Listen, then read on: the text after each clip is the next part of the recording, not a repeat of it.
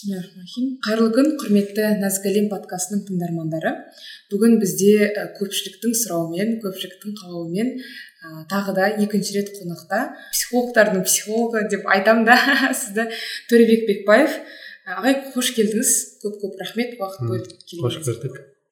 Рахмет шақырғандарыңызға. Мен де қуаныштымын.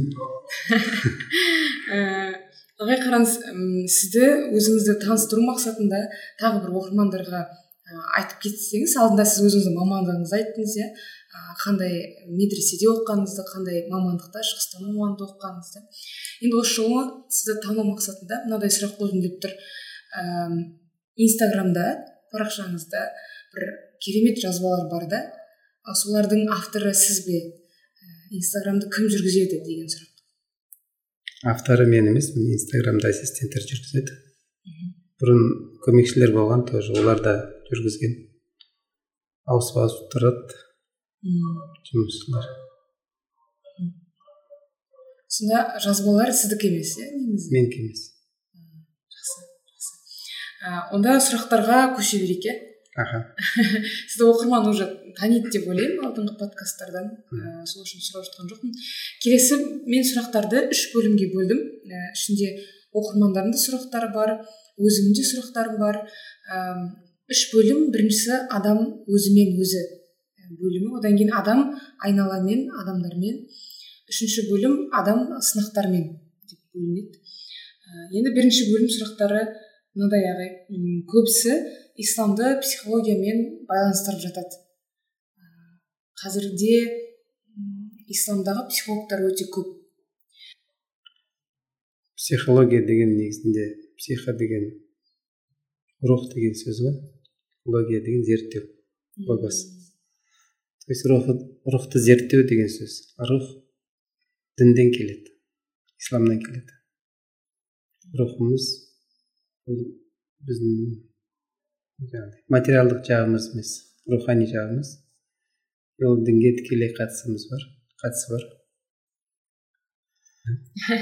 тікелей байланыс тікелей байланыс бар мысалға психология негізінде отношения зерттейді қарым қатынасты ше пайғамбарымыздың саллаллаху хадисі бар дін мәміле деген мәміле деген қарым қатынас қарым қатынас отношения ғой психология сол отношение зерттейді негізінде. И психологияның өзі діннен шығады да. Дін деген жалпы система жүйе деген сөз ғой. Религия система. Поэтому жүйелі түрде жасалған нәрсенің бәрі дінге кіреді. Енді ағай мындай да психологтар бар да исламмен байланыс.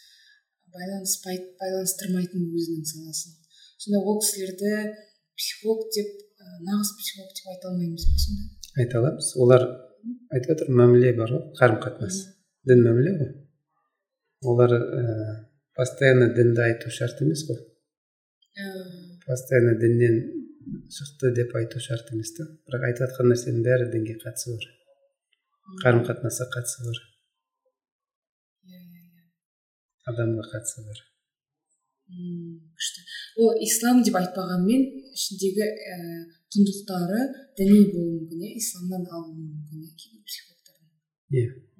Жақсы. Ә, енді қараңыз нағыз психолог екенін ә, қалай айыра аламыз психологтардың? Қазір осы сала ислам шеңберіндегі психологтардың өзі көбейіп кетті да? Ішінде оқығаны бар немесе оқымай оқымай да психолог болып жақсы психолог болып жүргендер бар.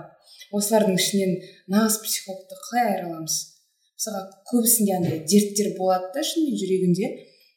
Қалай барам кімге барам деген кезде таңдау шеңбері өте көп. Мхм. Негізінде психологтардың қайсы маман екенін қайсы маман емес екенін тікелей сразу біле алмаймыз ғой. Отзывтардан білеміз тексеріп білеміз. Эксперттер білетін. Олар отзыв айтады. Любой нәрсені зерттеген кезде қараған кезде таңдаған кезде сіз бірінші отзывтарын қарайсыз ғой. Не деп жатыр бұл туралы? Иә. Мысалы пайым отзывтары жақсы. Сөйтіп лақабы болған әмин деген. Иә то есть бәрі біледі ол өтірік айтпайтынын. Поэтому оның жаңағыдай сарафанный радио дейді ғой қазір. Адамдар қалай таниды? Әркім өзін солай дәлелдеген да.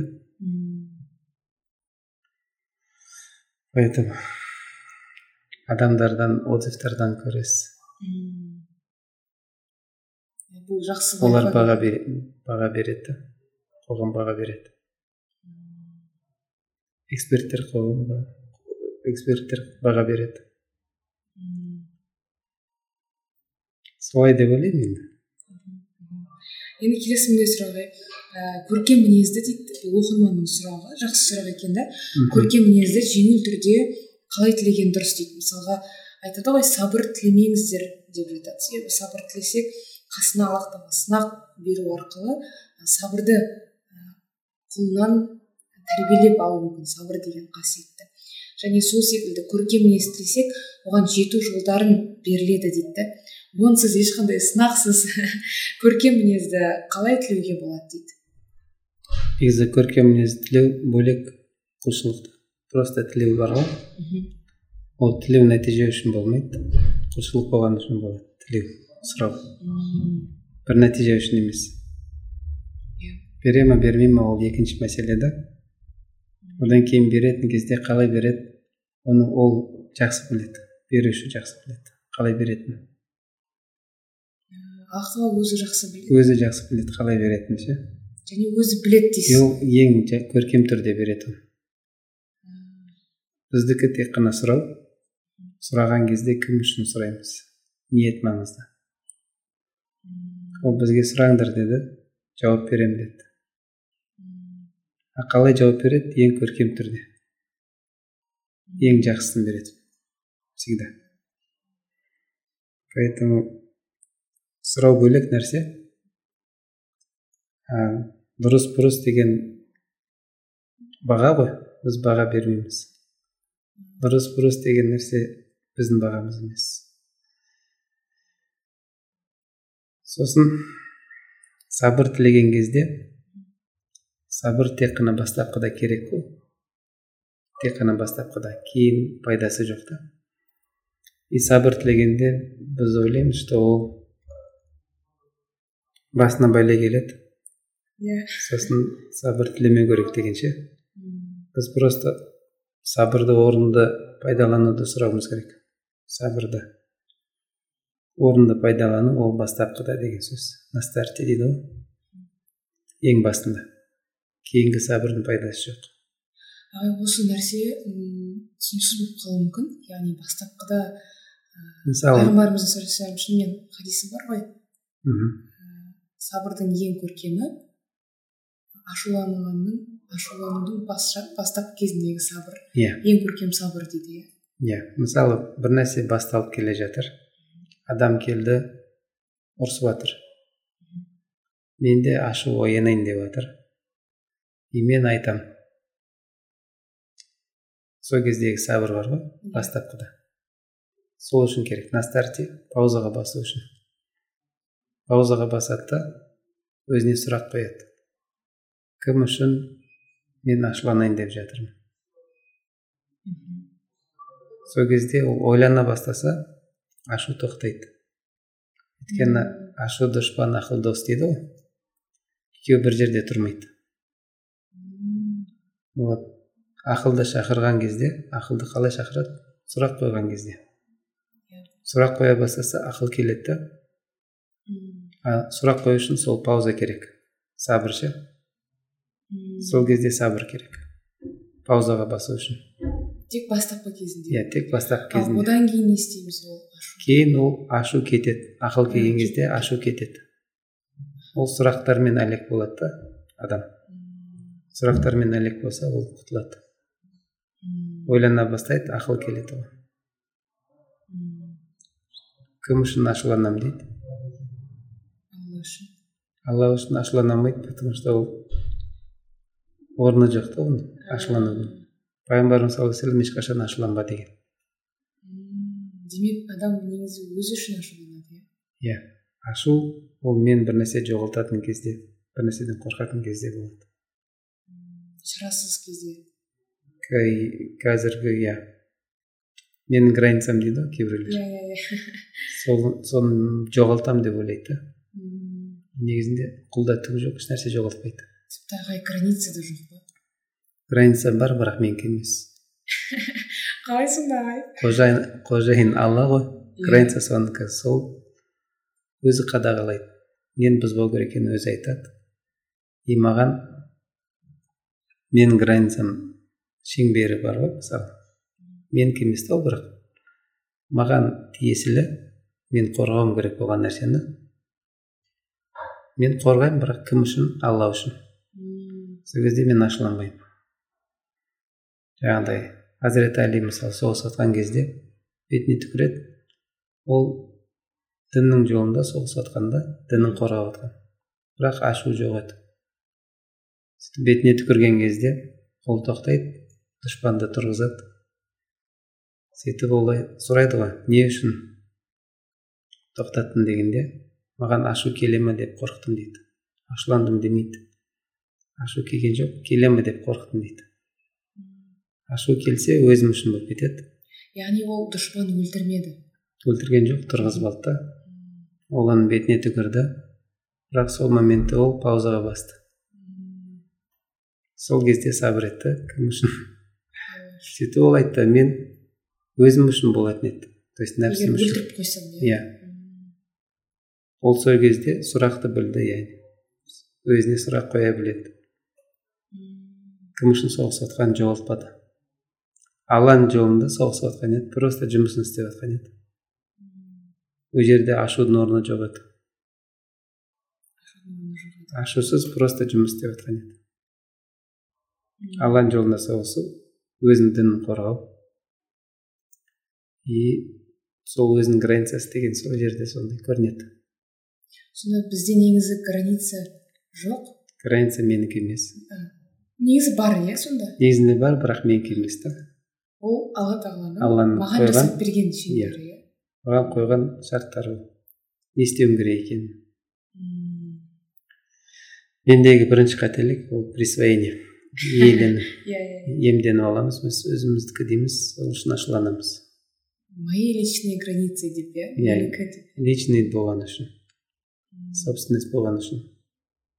Негізінде меншік менікі емес алланікі негізі ағай не, не үшін бұл нәрсе мысалға мен нәпсіме мысалға ауыр тиеді. Менде менде личный граница деген нәрсенің жоқтығы. Ауыр тиеді деген негізінде салмақ қой ауыр деген. Иә. Кім өлшейді оны? Салмағын мен өлшеймін и менде бір критериялар бар өлшейтін ше кім иә қойды оларды өзім өзім қойдым. Вот. мен қоймасам өлшей алмаймын сол кезде ауыр болмайды енді оны қалай алып тастаймыз мен кіммін деп сұрақ қоямыз қол болса менде не бар раббым бар менде түк жоқ қой негізінде иә раббымыз да менің меншігім емес мен оның меншігімін а менде түк жоқ поэтому менде қорғайтын ешнәрсе жоқ бәрі онікі оның затын қорғаймыз бірақ кім үшін мен үшін емес ол үшін бір нәрсе мен үшін болса мен қиналамын алла үшін болса мен қиналмаймын иә иә иә мен үшін болған нәрседе менде иелену бар ғой. Мен соны жоғалтуға қорқамын. Мен деген нәрседе қиыншылық басталады. Солай? Қызық рахмет. Енді ә, келесі сұрақ осы алладан қалай сұрау керек мысалға? Сіз айттыңыз ғой ә, семинарларыңызда. Ә, мен мұқтажбын. Деп сұрау мен ә, маған керек емес мен жай ғана мұқтажбын деу керек деп айтқансыз бірақ осы мұқтажбын деп сөйлегеннен кейін ыыы айтқаннан кейін сұрағаннан кейін біз бір нәрсені күтетін сияқтымыз. Осындай кезде дұғадан кейін нәтижені күтпеу үшін сұрауымыз орындалмай жатса да көңіліміз түспес үшін қалай сұрау керек дұғаны? Қалай ету керек? Тағы да біз сұраған кезде кім үшін деп сұрақ қою керек кім үшін сұраймыз? Мен үшін болса тағы да қиыншылық басталады. Алла үшін болса құлшылық болады. Қалай алла үшін болса құлшылық болады. Мен үшін болса қиыншылық басталады. Өйткені мен сол кезде нәтиже күтетін боламын иә? Сөйтіп болуын қалаймын да. Иә. То есть нәтиже үшін сұраған боламын алла үшін емес. Алла тағала сұра деген үшін емес. Маған керек болған үшін. А маған керек десем ол шешімді мен қабылдадым. Мен керек деп ше? А негізінде маған сезім келді мұқтаждық қажеттілік. Иә иә иә. Ол маған қажет болды маған сезімді жіберді. Мен сұрау үшін жіберді. И мен сол иә сезімді білдірем. Маған қажет болып тұр деп мұқтаж болып тұрмын деп ше? Бірақ мен оны керек қылған жоқпын. Неге керек қылған жоқ потому что мен шешпеймін маған керек па жоқ па деп. Бірақ маған жаңағыдай мен мұқтаж болдым ғой. Мұқтаждық ол аштық сияқты да? Иә. Қарным аш тұр деген. Бөлек нәрсе. Маған керек деген бөлек нәрсе. Маған керек ол менің шешімім. Қарным аш тұр деген ол қажеттілік туындайды. Мен жарата алмаймын оны аштықты. Мен керек қыла оны аштықты бірақ кейде ағай мысалға мен дұға еткен кезде осы рамазанда әр күні бір, бір дұға етіп жүрмін. Яғни фокусты бір ғана дұғаға арнаймын. Және әрбір қарным ашқан сайын сол дұғам есіме түседі де. Мысалға сол жаратылыс сырын оқу кітабын сыйлап жатырмын ғой.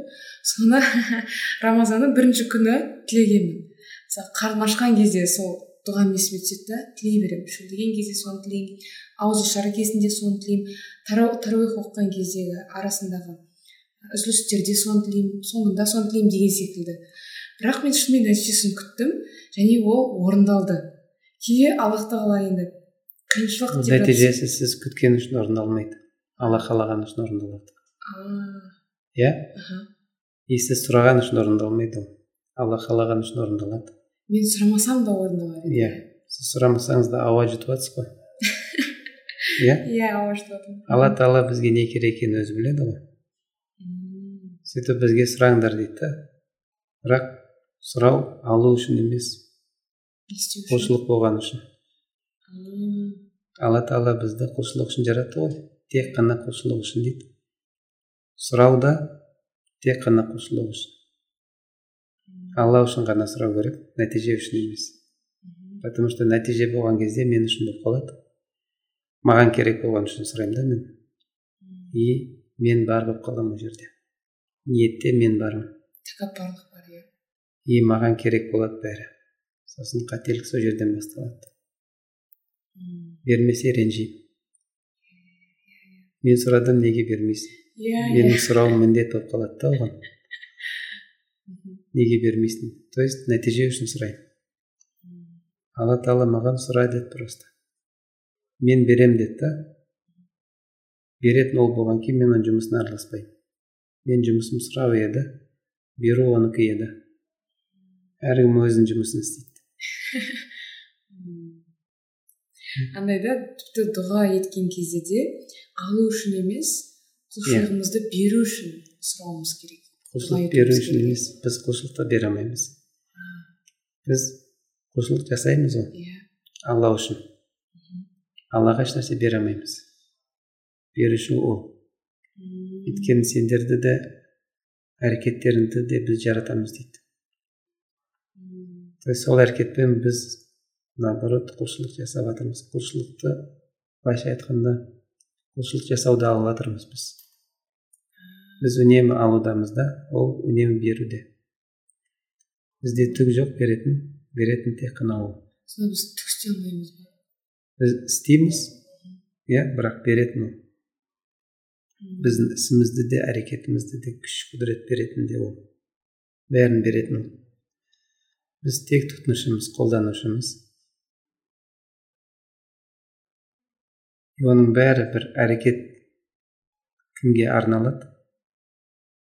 Егер аллаға арналатын болса құлшылық болады. Маған арналатын болса мен үшін болса құлшылық болмайды. Жақсы. және жаңа айтып отырсыз ғой құлшылық болмайды егер ә, мен үшін болса деп. Яғни бұл тіпті мысалға алла разы болатындай амалдар болуы мүмкін да. Терең ойлану намаз деген секілді. Любой әрекет любой әрекет жақсылық болуы мүмкін. Иә жақсылық мысалы кәпірлер де жақсылық жасайды. Иә. Бірақ құлшылық жасамайды. Иә. олардың жақсылығы құлшылық болмайды. Иә ол себебі? Жақсылық иә қашан құлшылық болады? Ниет болғанда. Ниет кім үшін болғанда? Алла үшін алла үшін болса құлшылық алла үшін болмаса емес. Сап болып қалады иә сонда. Иә. Олар адамдар үшін дейді ғой. Жақсылық үшін дейді. Иә. Мен үшін дейді. Барлық ұшындардың бәрі аллаға бармаса қандай жақсылық болса да құлшылық болмайды. Ол жай ғана бір әрекет болып қалады иә. Жай әрекет болады. Жақсылық болады бірақ құлшылық болмайды. Кейде осы ниетімізді туралаған кезде істің басында емес немесе ортасында немесе соңында ниетті дұрыстауға бола ма мысалы? Болады. Болады иә. Иә.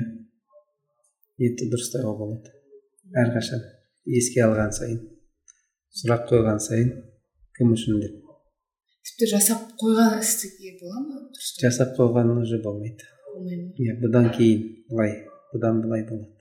Әлі бітпеген іске болады. Өткен істерге уже болмайды. Ал ниетті туралау үшін жаңа өзімізге сұрақ қоямыз. Өзімізді ойландырамыз иә. Мен кім үшін жасап жатырмын? Иә. Ниет кімге арналады? Жақсы.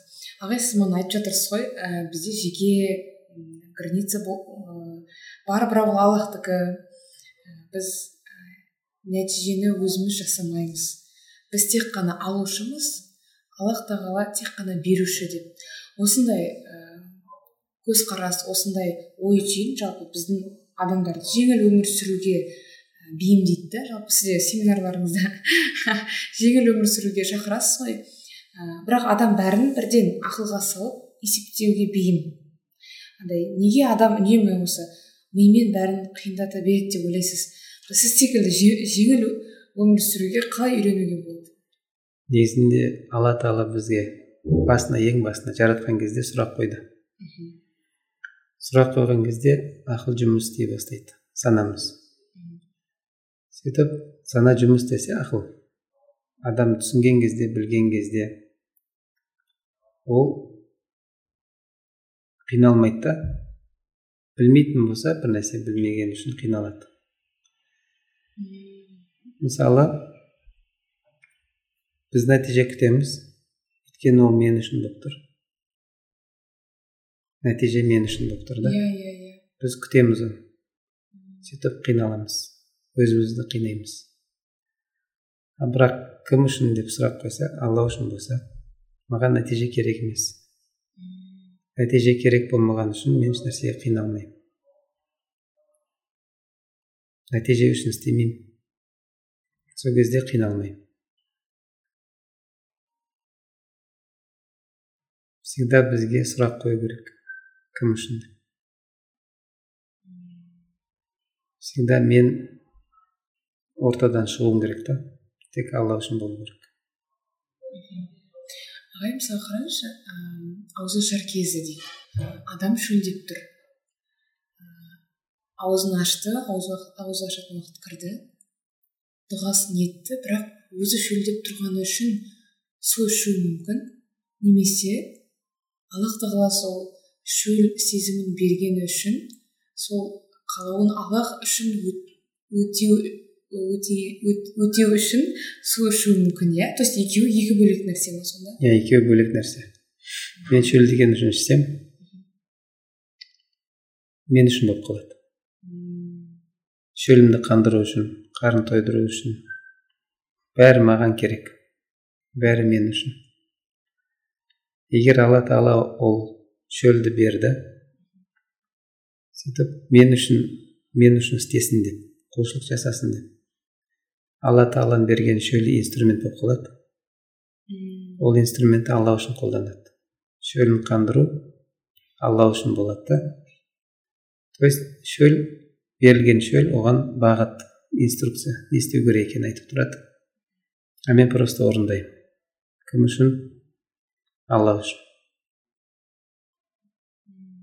Сол кезде ол өзінің қамын ойламайды. Тек құлшылықты ойлайды алла үшін не істеймін деп. Беріп жатқан нәрсесінің бәрін ол үшін істеймін деп. Ағай мысалға мен ойланып қалдым да кейде мысалы шынымен шөлдегеніміз үшін ұмытып кетеді ғой адам бір шөл состояниесінде жағдайында тұрған кезде. Өзі үшін ішіп қойған кезде ол әйтеуір халал тамақ болады ғой иә ішімізге ол тамақтың өзі халал ғой? Иә халал иә. ол ешқашан харам болмайды халал тамақ. Иә уайымдап кеттім ғой қанша ішкенін бірақ исраф харам дейді исраф деген не артық болған нәрсе иә бос жатқан нәрселер иә зая кеткен орынды пайдаланбаған нәрселер исраф исраф деген алланың жолында да емес иә иә адам пайдасына да емес просто так мысалы су іш деген кезде асқазан үштен бір сумен дейді ғой. Иә. Толтыр дейді. Мен бүкіл асқазан толтырамын. Ол оған артық келеді негізінде асқазанға ше. Адамға да артық болады иә. Артық нәрсенің бәрі керек емес. Бос. Соны исраф дейді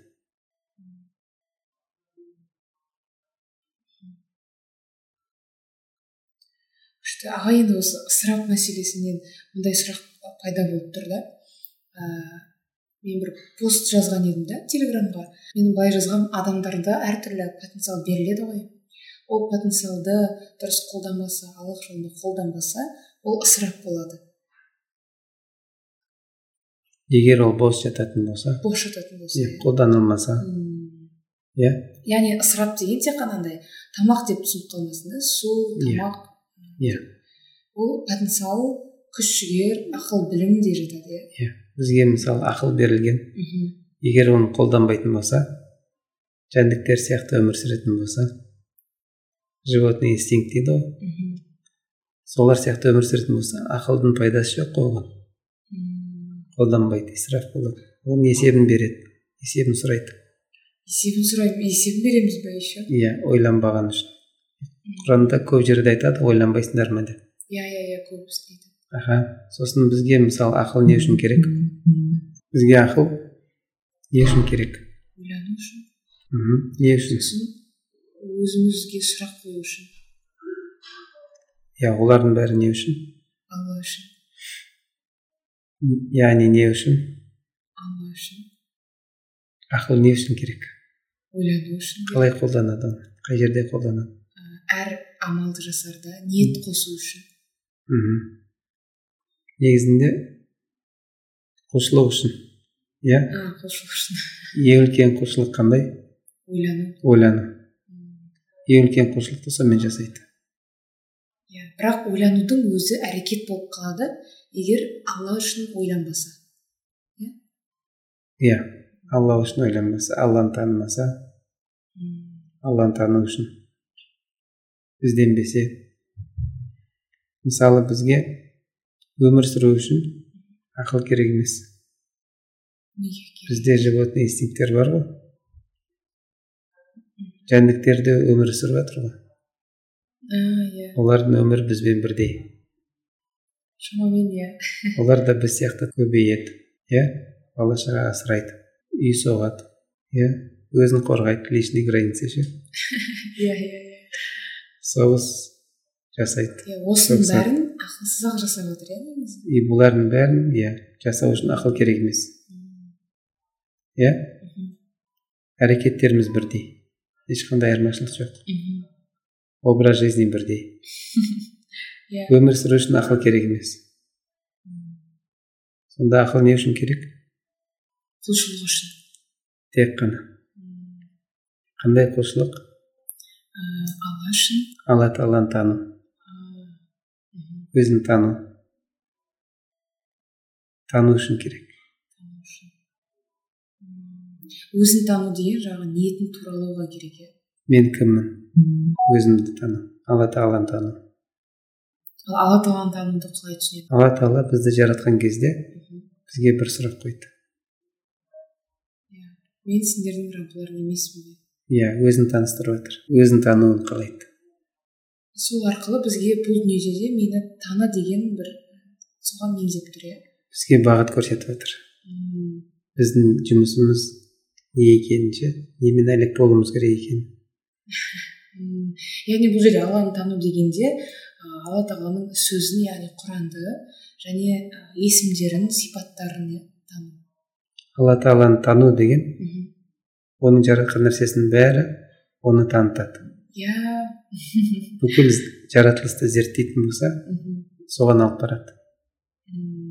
То есть барлық нәрсені біз зерттеу арқылы аллахқа жетеміз. иә алла тағаланы танимыз. Біз оған жете алмаймыз. Бірақ тануға тырысамыз. Иә иә. Абайдың бір қара сөзінде айтады да ә, біз аллах тағаланы ә, толығымен тани алмаймыз тек ақылымыз жеткен ә, шеңберде тани алатын бір шеңберде ғана танимыз деп сол секілді иә. Енді ағай қарашы ә, тәуекел туралы сөйлессек ә, дұрыс тәуекел қандай болады? Кейде алла тағалаға мен кейбір адамдарды көреміз мысалға тәуекел дейді бірақ өзінен бір амал жасамай қалады.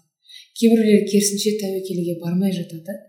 Өзіне барлық жауапкершілікті барлық шешімді өзіне алып алады. Осы екі шектің орта тұсы қандай? Тәуекел ету үшін тәуекел деген алла тағалаға тапсыру. Тапсыратын заты болу керек оның. Не тапсырып жатыр? Егер тапсыратын заты болмаса не нәрсеге тәуекел етеді? Нені тапсырады? Сонда бірінші амалы болу керек иә? Бірінші амал болу керек. Тапсыратын заты болу керек қой. Иә. Әрекеті болу керек та. Сосын барып соны тапсырады. Амалды тапсырады иә. Амалды тапсырады. Соны пайғамбарымыз саллаллаху алейhi не дейді? Бірінші түйені байла дейді. Сосын барып тәуекел ет дейді. Сосын тапсыр дейді. Ол жерде түйені байла деген сөз негізінде. Рисктердің бәрін жап дейді. Риск. Қазір риск менеджмент дейді ғой. Иә. Қай жерден жаңағыдай кетіп қалуы мүмкін соның бәрін тесттерін бәрін жабу керек та бірінші. Бүкіл рисктердің бәрін жабу керек. Риск. Сосын барып тәуекел ету керек. Қалған. Сол істің бәрін аллаға тапсырады. Қолынан келгенін не істеді? И соны аллаға тапсырды. Сонда бірінші амалымызды ғана біз аллаға тапсыра аламыз. Иә. Сол үшін бірінші тәуекел етпес бұрын біздің өзіміздің амалымызға қарауымыз керек иә? Иә. Бірінші түйені тұсап сосын барып тәуекел ету керек иә. Жақсы мен түйені байламасам тапсыратын затым жоқ. Нені тапсырасыз дейсіз ба иә? Күшті күшті. Енді қараңыз ә, келесі жауап ой сұрақ оқырманның сұрағы екен. Ә, өзімізді бүкіл жерде ә, не в своей тарелке сезіну неден болады дейді. Одан қалай арылуға болады? Бүкіл нәрсе көз алдында құнсыз болып кететін кездер болады дейді. Ол неден болуы мүмкін? Барлық жерде не в своей тарелке деген значит жерге байланысты емес. Егер ол барлық жерде болса значит жерге байланысы жоқ та оның. Значит ол өзі не своей тарелке деген өзіне қатысты нәрсе да жерге қатысты нәрсе емес. Қалай? Өзін таппай жүр. болмысын таппай иә. Өзін таппай жүр. Ол барлық жерде жерге қатысы жоқ та. Ол өзін танымай жүрген үшін кім екенін таппай жүрген үшін. Өзінен қашып құтыла алмайды ғой. Иә өзінен қашып құтыла алмайды. Қай жаққа барса да орны жоқ та оның. Орнын таба алмай жүр. Өйткені өзі өзін танымай жүр кім екенін. Ал өзінің кім екенін қалай таныса болады? Бірінші сұрақ қояды. Жақсы. Тану сұрақтан басталады всегда. Иә? Мен кіммін дейді? Сол сұраққа, иә. құлмын мен құлмын иә вот. Құл болса менде не бар. Менде ешнәрсе жоқ. Бәрі кімдікі? Бәрі алланікі. Мхм значит мен де соныкімін иә ондай болса ол шешеді бәрін мен емес. Менің болмысымды да ол шешеді. Иә. Ондай болса мен не істеуім керек қалай істеуім керек бәрін ол көрсетеді ол жүргізеді иә ол бағыт көрсетеді сосын сұрақ қандай еді бүкіл жерде барлығы құнсыз дейді құнсыз бәрі құнсыз иә бәрі құнсыз иә құнды беретіні кім иә мен оның құндылығын біле алмаймын негізінде иә мен үшін сол үшін сол үшін белгісіз нәрсе. Құны қандай екені иә. И мен жұмысым тек қана бағалау алла тағала маған берген үшін берген нәрселердің бәрін бағалау дегенде шүкір ету иә? Иә сыйлық көру. Сыйлығын бағалау. То есть ол бере- беретін нәрсесінің бәрін босқа бермейді ғой. Иә. Берген нәрсесінің бәрін қайыр қылып береді. Мм, и сосын ең жақсысын береді ең қымбатын береді маған. Мен үшін берген нәрсесінің бәрі ең қымбат. Мм, бәрінен қымбат. Мендегі заттың бәрі бәрінен қымбат. Мысалы менің қолым басқаның қолынан қымбат. Мен үшін. Бәсе. Дұрыс па? иә, мен үшін потому что менің қолым маған жұмыс істейді. Біреудің қолы маған жұмыс істемейді. Менің көзім мен үшін қымбат. Біреудің көзі маған қымбат емес. Маған менің көзім мен жұмыс маған жұмыс істейді. И оны маған берген менің көзімді маған берген. И ол ең қымбат та. Алла тағала маған беретін нәрсесін ең қымбат қылып берген. Сіз үшін ең қымбат. Иә. Менен басқа и так ешкім жоқ. Маған жауап беретін ешкім жоқ негізінде. Адамдар көбісі андай бір бірін бір бірімен ой яғни өзін басқамен салыстырып жатады ғой. Иә салыстырған кезде қиыншылық басталады. Иә салыс- салыстыратындай сіз айттыңыз ғой семинарда. Тек қана өзіңіз ғана барсыз. Иә. Не салыстырмайсыз иә сол үшін Иә. салыстырмау керек. Менен басқа ешкім жоқ алла тағала өйткені мен сияқты басқа ешкім жаратпады. Иә және жаратпайды да. Жаратпайды да. Мен жалғызбын уникальныймын. Уникальный нәрселер салыстырылмайды. Дарамын дейсіз иә. Мм, дара тұлға эксклюзив уникальный ерекше. Ешкімге ұқсамайтын иә еш нәрсеге ұқсамайтын. Алланың шеберлігі. Алла тағала өзінің шеберлігін көрсетеді. Бұл менен емес қой. Иә. Мен өзімдікі емеспін. Поэтому мен оны иелене алмаймын мен. Менікі деп ше? Мен өзімді істедім деп мақтана алмаймын алмаймыз. иә. Бірақ мен алланың берген нәрсесі болған кейін оның берген затын мақтаныш тұта аламын. Мысалы қалай сонда? Мені ол берді ғой ол жаратты. Иә. Мені маған ол берді да. Ол жаратты. Соның берген нәрсесін мен мақтанып тұта аламын. Бірақ айтпай ақ іштей мақтан иә оның затын мен жақсы көре аламын. Оның затын бағалай аламын құрмет ете аламын оның затына. Бірақ иеленбеймін оны. Менікі емес. Қызық қызық. Бұл сұрақтар бітті. Адам өзі өзімен өзі яғни ішкі әлеміне шамалы? Үңілдік деп үңіле алдық деп ойлаймын. Иншалла ыыы оқырмандарға пайдалы тыңдармандарға пайдалы болады деп ойлаймын.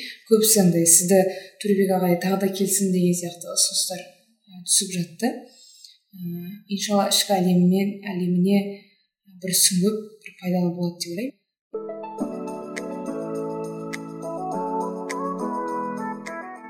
Енді келесі бөлім адам айналамен деп аталады. Бұл жерде бала тәрбиесі де қозғалса және адамдармен қарым қатынас қозғалуы мүмкін. Бірінші сұрақ мынадай. Сіздің отношения деген семинарыңызға да қатысқанмын. Сол кезде ә, бала тәрбиесі деген тақырып қозғалды. Сол кезде бала тәрбиесі деген сөздің өзі сәл дұрыс емес деген едік та. Себебі адам ешкім тәрбиелей алмайды. Біз ә, баланы тәрбиелей тәрбиелемейміз деген едіңіз да. Сонда бала бізге не үшін беріледі? Және бұл үлкен жауапкершілік қой негізі үлкен бір ә, жүк сияқты көрінеді. Сонда осы жауапкершілікті сезінбей үлкен аманатты қалай арқалаймыз? Бала маған мен тәрбием үшін беріледі. Мен тәрбиелеу үшін. Мендегі мейірімді ояту үшін. Мейірім не екенін түсіну үшін. Мейірім арқылы алла тағаланы тану үшін. Ол қандай мейірімді екенін. Сөйтіп балам арқылы бүкіл мәміле қарым қатынас баламен болған қарым қатынас ол немен алла тағаланың арасында қарым қатынасқа да. Мысалы мен бала қалай қарайтын болсам алла тағала маған одан да көп мейірімді ғой. Одан да жақсы қарайды. Иә? Мен баланың әр нәрсесін қадағалай алмаймын алла тағала бәрін қадағалайды. Бәрін контроль жасайды. Қамтамасыз етеді. Қажеттіліктерін бәрін береді. Мен баланың барлық нәрсесін бере алмаймын. Тек қана маған түсінікті нәрсесін ғана. Істеймін. Маған қажет. Маған қатысты. Барлық нәрсесін бере алмаймын да. И оның бәрі түсінік үшін. То есть маған алла тағала тек қана бұны емес тек қана тамақ емес. Оның қасында қаншама нығметтер беріп жатыр. Соларды көру үшін. Мысалы мен балаға тек қана тамақ беремін. Алла тағала маған еще ауа береді. Мысалы да қоректенетін ше маған еще рухани азық береді. Маған еще білім береді. Пайда береді. Шипа береді. Беріп жатқан нәрсесі шексіз. Есептей алмаймыз. А мен балаға беретін нәрсесі шектеулі бір ақ нәрсе или екі нәрсе сол арқылы түсінсін дейді. А менің қамқоршым не беріп жатыр маған? Соны танысын деп. Сөйтіп баланы кім тәрбиелейді? Мен тәрбиелемеймін мен жұмысым емес оның қожайыны бар. Алла тағала. Тәрбиелейді. Балаға әке шеше берген. Әке шешеден көріп ол камерасына түсіре береді. Иә иә. Сөйтіп өзі қайталайды оны. Өзі үйренеді да. Өзі жаңағыдай қолданады. Көрген нәрсесін. Сөйтіп өзі тәрбиеленеді негізінде алла тағала оған көрсетеді сол тәрбиелейді да а мен тәрбиені оған берген тәрбиені. Ананы істе мынаны істе үйт бүйт деп бұйрық айтумен тәрбиеленеді деп ойлаймын. Мен оған айтсам істейді сөйтіп үйренеді деп ойлаймын ғой негізі ол бала көргенін жасайды негізінде айтқанды емес көргенді істейді.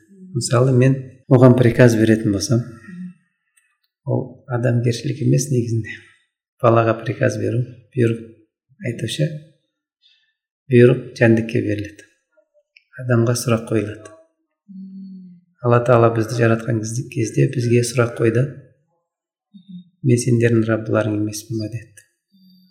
Тіпті алла тағаланың өзі бізге бұйырып ол бізге көрсетіп жатыр адамға қандай мәміле жасау керек екен? Неге адамға ондай мәміле жасау керек? Өйткені ол ең құрметті ең көркем түрде ең ұлық жаратылыс.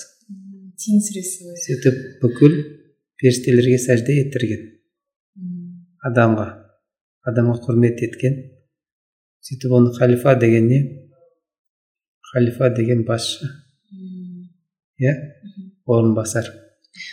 Мысалы президент әкім тағайындайды. Әкім халқына жауап береді. Сөйтіп президент есепті әкімнен сұрайды да халықтан сұрамайды. Өйткені әкім жауап береді бәріне. Сөйтіп халықты соған тапсырады әкімге тапсырады. Сен жауап бересің деп. Иә. Сол сияқты алла тағала бүкіл болмысты біз үшін жаратқан. Бізге қызмет етеді да.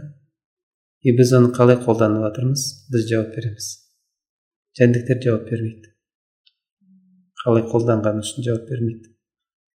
Неге ол шөп жейді неге су ішеді жауап бермейді. Біз бәріне жауап береміз мен бәріне жауап беремін. мен не қолдандым қолданған нәрсесінің бәріне жауап беремін. Нәрсенің бәріне. Поэтому алла тағала өзі маған құрмет көрсеткеннен кейін и бізге үйретіп жатыр кімнің жаратылысы көркем ұлық. Жоғары. И оған қандай мәміле жасалады? Періштелерге сәжде еттірді кейбір адамдарға да не дейді? Пайғамбарымыз саллаллаху алейhi рұқсат болғанда сәжде етуді әмір ететін едім дейді. Мысалы әйелдеріне әйелдерге күйеулеріне егер рұқсат болғанда сәжде етуді әмір ететін дейді. Бірақ рұқсат емес. Рұқсат болмағанда сәжде. Бірақ сәждеге де не бар? Құрмет бар. Сәждеге дейін құрмет бар да? Адам баласына. Мысалы ата анаға не дейді? Жәннат аяғының астында дейді. То есть аяғының астына түсу керек та ол? Аяғынан төмен түсу керек. Ол да сәжденің жері. Иә аяқ асты ше? Бірақ сәжде ет демейді да. Құрметті көрсетеді. Күйеулеріңе де рұқсат болғанда сәжде етуді әмір етеді иә. құрметтеуді ұсынып тұр иә? Иә. Құрмет то есть адам баласы всегда құрметте болу керек и бізге үйретіп жатыр алла тағала адамға егер приказ берілсе құрметсіздік болады. Сұрақ қойылса құрмет болады. Сол үшін біз балаға приказ беретін болсақ жәндікке қараған сияқты мәміле жасаймыз. Жәндікке приказ беріледі. Сосын айтамыз қашан адам боласың деп. ағай мына жерде қазір күшті да мен түсініп тұрған сияқтымын. Семинарыңызда бар ма бірақ оқырмандар сәл түсінбей қалуы мүмкін. Мысалға бір мысал келтірейік. Баланың қарны ашып тұр тамақ ішкісі келеді. Өзі каша сұрайды. Мен аламын да каша дайындап беремін да каша же деп айтпауым керек. Каша жейсің бе деп айтуым керек па? Қалай? Сұрақтың да түрлері бар. Сұрақтың түрлері. Алла тағала бізге қалай үйретіп жатыр емеспін бе мен туралы айтып жатыр мен деп айтты да ол иә иә мен сендердің раббылар емеспін өзі туралы айтып жатыр біз де сұрақ қойған кезде мен деп айтуымыз керек мен тамақ салып берейін ба деп иә иә иә иә сен тамақ іш емес сен тамақ ішесің бе емес сен деген емес мен деген мен салып берейін ба иә сол кезде ол құрмет болады сөйтіп адамға иә деп те жоқ деп те айта алады иә өзі шешеді өзі шешеді өзі біледі поэтому мен оған диктовать ете алмаймын құрметсіздік болады адамға приказ беретін болсам құрметсіздік болады да алла тағала бізге үйретіп жатыр адамға приказ берілмейді жәндікке приказ беріледі бұйрық сұрақ қойылмайды да оларға адамға сұрақ қойылады өйткені сұрақ не істейді? Ойландырады. Ойландырады. Оның ерекшелігі ойлану. И сол ойлану арқылы то есть оның ойына санасына ақылына құрмет көрсетіледі. Соның ерекшелігі ол адамның. И всегда соған сұрақ қою керек. Сонымен әрекет мәміле жасау керек.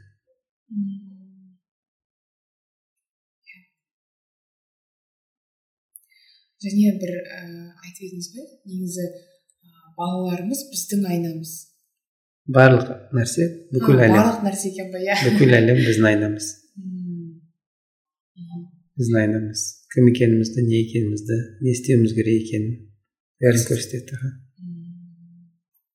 және і біз оларды сөзбен емес балаларды көзбен яғни үлгі болу арқылы. И мен оларға үлгі бола алмаймын. А үлгі бола алмаймыз. Жоқ. Сонда біз не істейміз? Баламен не істейміз деген ба? Мен баламен өзім тәрбие көремін тек қана. Мен оған үйрету үшін емес одан не үйрене аламын деп қарауым керек. Сол кезде бір шынымен жүк жеңілдеп қалады иә? Сол кезде менде жүк жоқ екенін көремін. Жоқ иә. Иә. И мен аманатқа қиянат жасамауым керек қой. Иә. Аманаттың мағынасы қандай? Қайтарып беру. Чужой деген сөз біреудікі менікі емес деген иә сөз және қайтарып беру керек деген сөз. Иеленбеу керек деген сөз қайтарып беру емес. А қайтарып беру емес па? Иеленбеу керек. Иеленбеу иә мен меншігіме алмауым керек оны. Передавать емес па? Мен оны өзіме менікі дейтін болсам менікі десем егер оны иеленіп алсам иә?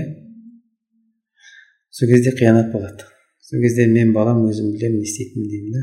Ол қалай өмір сүру керек екенін мен шешемін деймін. Не жеу керек не таңдау керек мен шешем. Ол білмейді. Мен одан сұрамаймын мен білемін.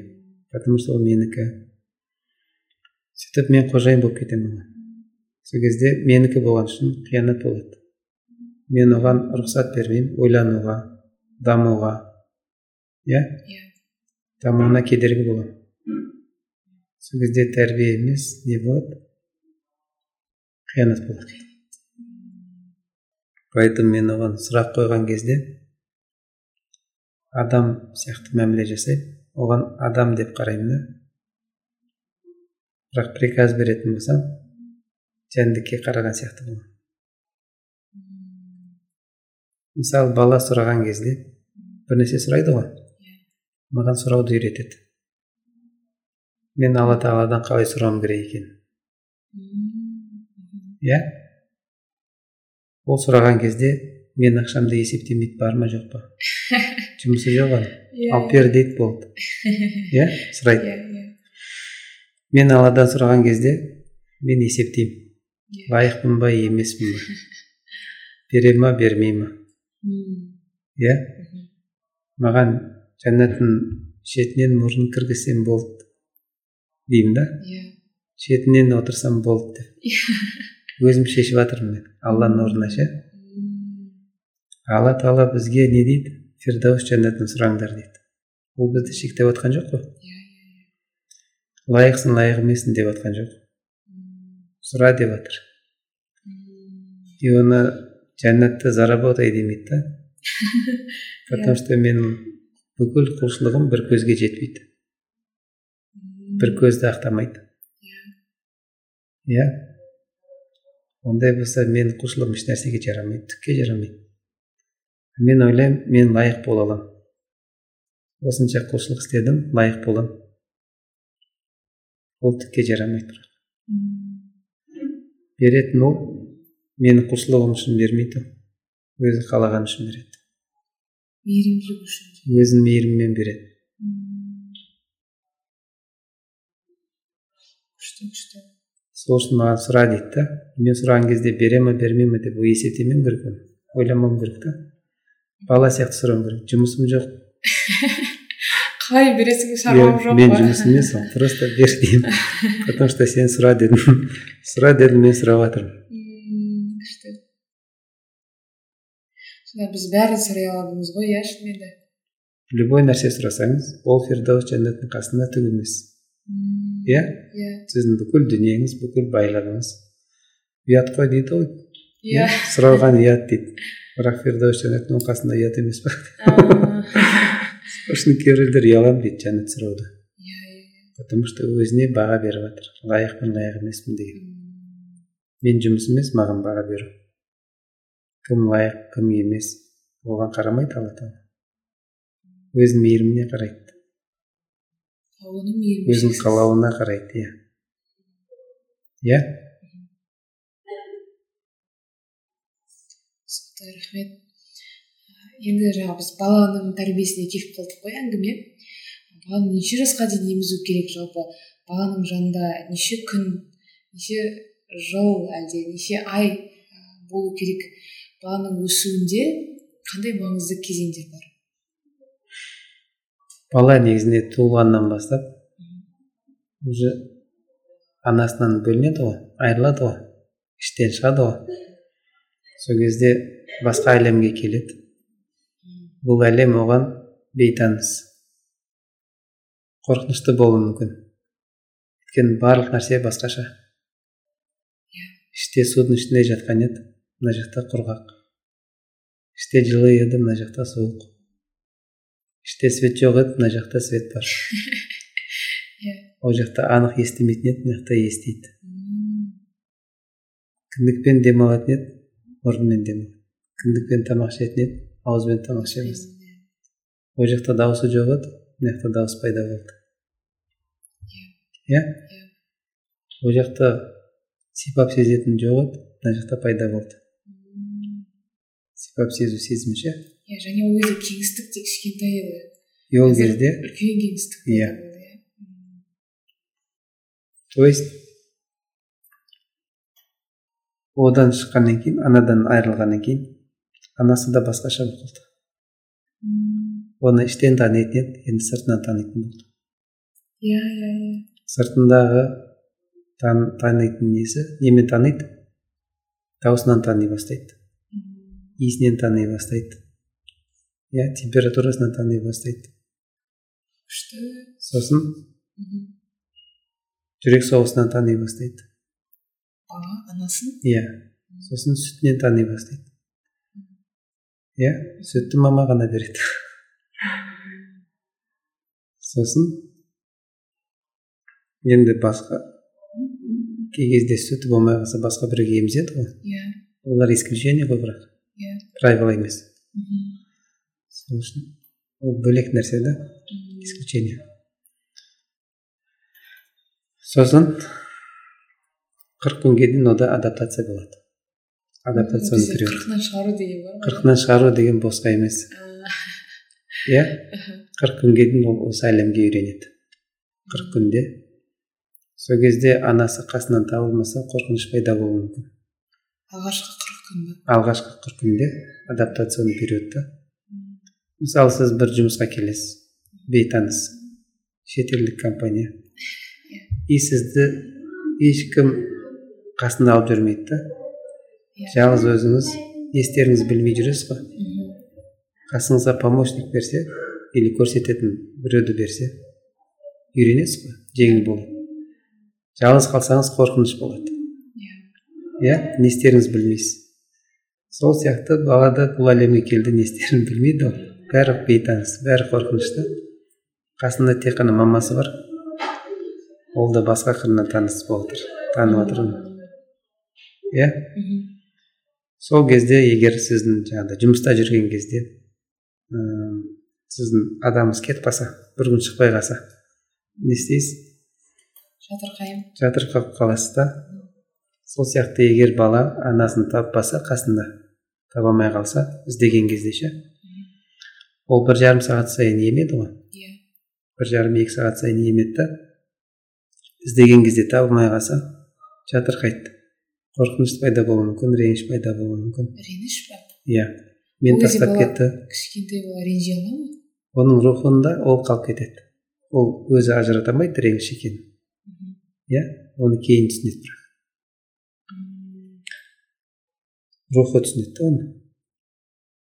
Сөйтіп ол рухында барлық нәрсе жиналай береді бәрі бар ғой бәрі жиналай береді и бәрі соның кейінгі өмірге адаптационный период болған кейін кейінгі өмірге солай қарайды да ол сол көзқараспен қарайды сол қорқынышпен сол ренішпен сол жерде қалыптасқан сезімдермен қарайды сол үшін қасында табылу керек іздеген кезде қасында болу керек и бізде не істейді сол үшін күтеді оларды. Екеуін де күтеді да мамасы мен баласын.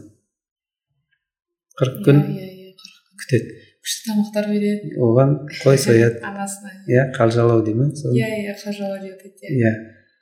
Сорпасын береді. Өйткені ана да жаңадан туылған бала сияқты. Шақалақ сияқты ше. Өйткені оның да сүйектері сүйектері әлсіреп қалады ғой. әлсіреп қалады. Ол басқа состояниедан басқа состояние басқа халге ауысады. Иә, иә. ол да жаңарады. Одан оған да адаптация керек. Сөйтіп ол екі бала дүниеге келеді негізінде. Екі шақалақ ше? Екеуін де күту керек аха. Анасын да баласын да күту керек та. И олар осы әлемге қайтадан жаңа көзқараспен қалыптасады. Қарайды. Поэтому қырық күнге дейін анасына тек туалетке кетуге болады. Түсінікті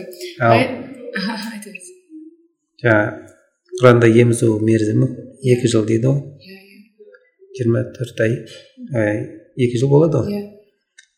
Бір жерде отыз ай деп айтады. Екі жарым жыл. Иә бірақ үш жасқа дейін емізсе еш нәрсе қылмайды. Үш жасқа дейін бола береді. И үш жасқа дейін ол не істейді? бір жарым сағат баласын іздейді баласы іздейді ғой мамасын. бір жарым сағат сайын ше табылмаса тағы да реніш пайда болуы мүмкін. Обида сонда екі жыл иә минимум баланың жанында болу керек иә? Екі, екі жыл минимум иә бірақ үш жыл идеальный. Сол үшін мемлекетте не бар? Декрет бар. Иә. Үш жыл босқа бермеген оны үш жасқа дейін қасында болады сол кезде садикке бермесе абзал негізінде иә қазір садикке бір жастан кейін береді ғой иә осы жерде сұрайыншы қыз баланың әйел адамның миссиясы қандай физиологиясы бала туу ғой негізінде дұрыс па оның физиологиясы көрсетеді. И оның бөлінетін нәрсесі физиология әйел деген еркек деген. Иә иә иә әйел тууға арналған. Иә обидно туған жақсы ма обидно ма тек қана бала туу обидно ма тууға арналған дедіңіз ғой мынандай сол сөз обидно тууға арналған емес құлшылыққа арналған ғой бірақ жұмысы не бала туу иә основной нәрсе ұрпақ жалғастыру иә и әйелде бірақ сол периодта көтергеннен бастап емізу біткенге дейін алланың жолында соғыста жүргендей сауап алады сол периодта қайтыс болатын болса шейіт болады и сол периодта ол алланың жолында соғыста жүрген адам тап таза болады пәк болады да. Көтергеннен бастап. Алла тағала бір нәрсені бере ма? Жақсылығымен береді. Қайырын берсе бүтін қылып береді. Иә. Бірақ ниеті алла үшін болса иә. Иә. Ниеті алла үшін болса. Шейіт болады.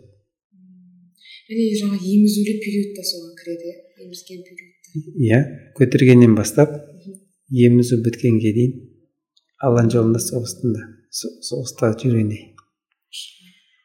Поэтому ол жаңағыдай обидно ма сол нәрсе? Жоқ нығмет екен ал көтерген кезде ана бала көтерген кезде.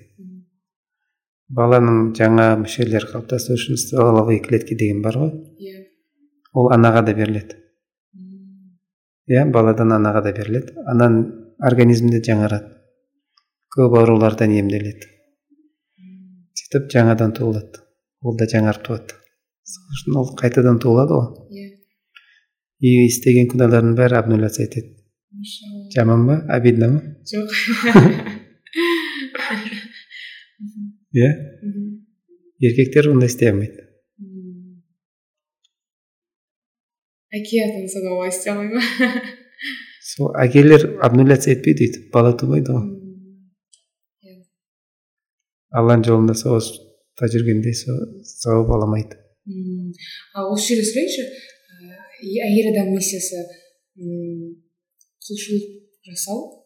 Иә. ә, және физиологиясына сай инструмент аха. инструмент ретінде бала дүниеге алып келу дедіңіз иә? Аха. Ал ер адамның миссиясы қандай? Соларға қамқоршы болу соларға қызмет ету. Күшті екен ғой қыз бала болғанбыз деп жатса иә. Иә қыз бала еш нәрсені уайымдамау керек. Уайымдайтын нәрсенің бәрін еркек қамтамасыз етеді. Әкеп беру керек. Отбасындағы миссиясы да солай иә. Отбасында ол кім?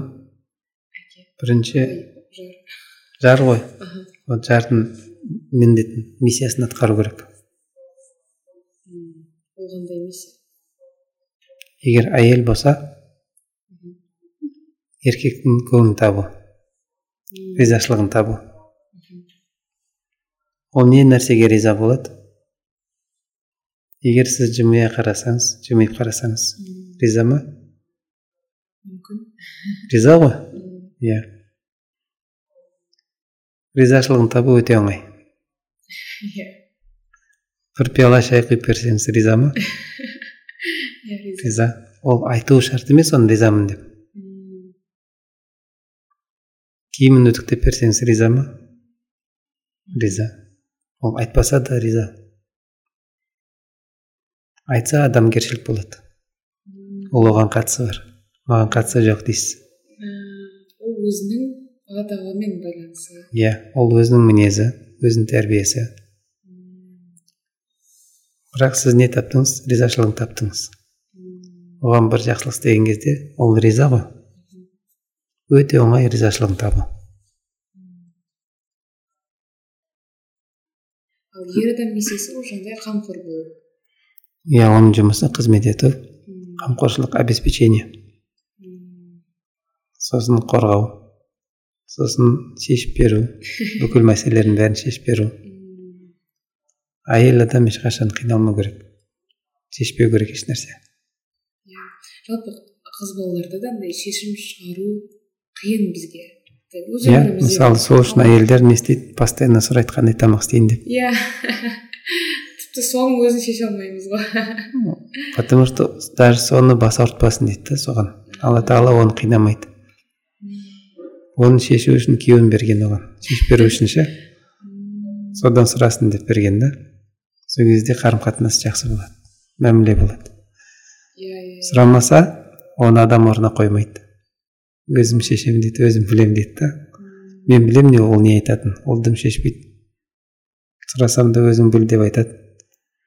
Бұның бәрін мен білемін дейді да сөйтіп сұрамайды и бұл құрметсіздікке саналады сонда сұраған кезде де ер адамдар негізі өздері шешіп жауап бергені дұрыс иә ол всегда шешу керек шешкен сайын күшейеді тіпті қандай тамақ пісіремін деген сөзге де иә иә не істейін дейді ғой қандай тамақ істейін десе не пісірейін иә ол құрмет болады а еркек сол құрметке жауап беру керек өзің біл демеу керек жақсы күшті күшті жауап күшті лайфхак екен еще ер адамдарға енді ағай келесі сұраққа өте берсек болады иә андай сіз семинарыңызда айтқан едіңіз ғой.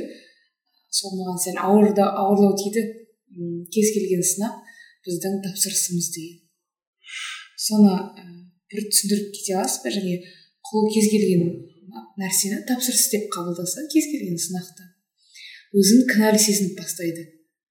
Демек мен мына жерде дұрыс жасамадым. Мына жерде мен тапсырыс беріп қойдым. Сол үшін маған осындай сынақ берілді деген ойлар бірден келеді да. Осы кінәлі сезіну негізі дұрыс емес қой. Біз өзімізге өзіміз үкім беріп жатырмыз ғой.